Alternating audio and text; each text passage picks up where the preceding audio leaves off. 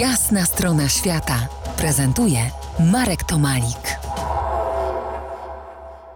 Po jasnej stronie świata moje opowieści o mitycznym środku Australii, do którego zaglądałem trzykrotnie w czasie swoich wypraw z napędem i bez napędu na cztery koła.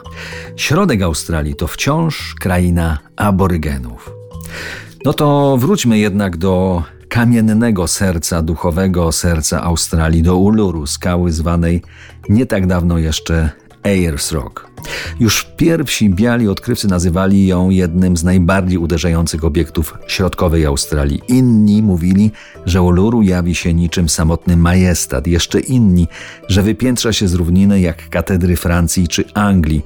Jeszcze inni, że ta samotna skała rozszczepia horyzont niczym świątynię starożytnego miasta. Odwiedzający ją turyści obchodzili ją dookoła na podobieństwo tych, którzy maszerują wokół katedry Canterbury czy Notre Dame w poszukiwaniu ujęcia fotograficznego, które było w stanie oddać jej ogrom. Pamiętam swoje pierwsze wrażenia, kiedy po raz pierwszy pojawiłem się tam w 1990 roku. Myślę, że wtedy moje odczucia były bardzo podobne do tych opisanych. Myślę, że podobne do tych, które i dziś towarzyszą turystom przybywającym w to miejsce. Góra zrobiła na mnie mocne wrażenie i nie chciała wypuścić ze swoich objęć, ale wtedy nie wiedziałem, że wyruszę ku niej jeszcze dwukrotnie i to z zupełnie nowym, innym bagażem doświadczeń.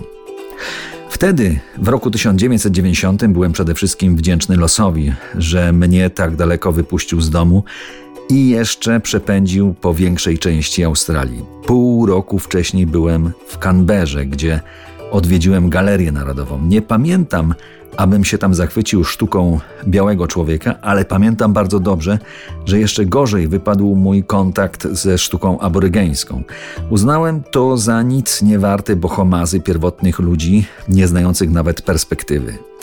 Ale wtedy nie wiedziałem, że ta sztuka nie może zaistnieć dobrze w betonowych galeriach, że może zaistnieć niemal wyłącznie w kontekście krajobrazu i rdzennych ludzi mieszkających zupełnie inaczej niż biały człowiek.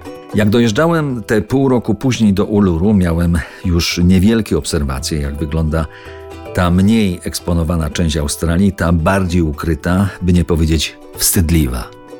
I te wcześniej oglądane obrazki w Canberrze zaczęły w mojej głowie się zmieniać, nawiązywały kontakt ze swoją rzeczywistością, ze swoją przestrzenią, przestały mi być obce, zaczęły mnie wciągać.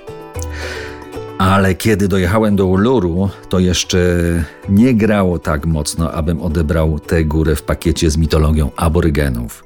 O kolejnych spotkaniach z mitycznym środkiem Australii opowiem za kilkanaście minut.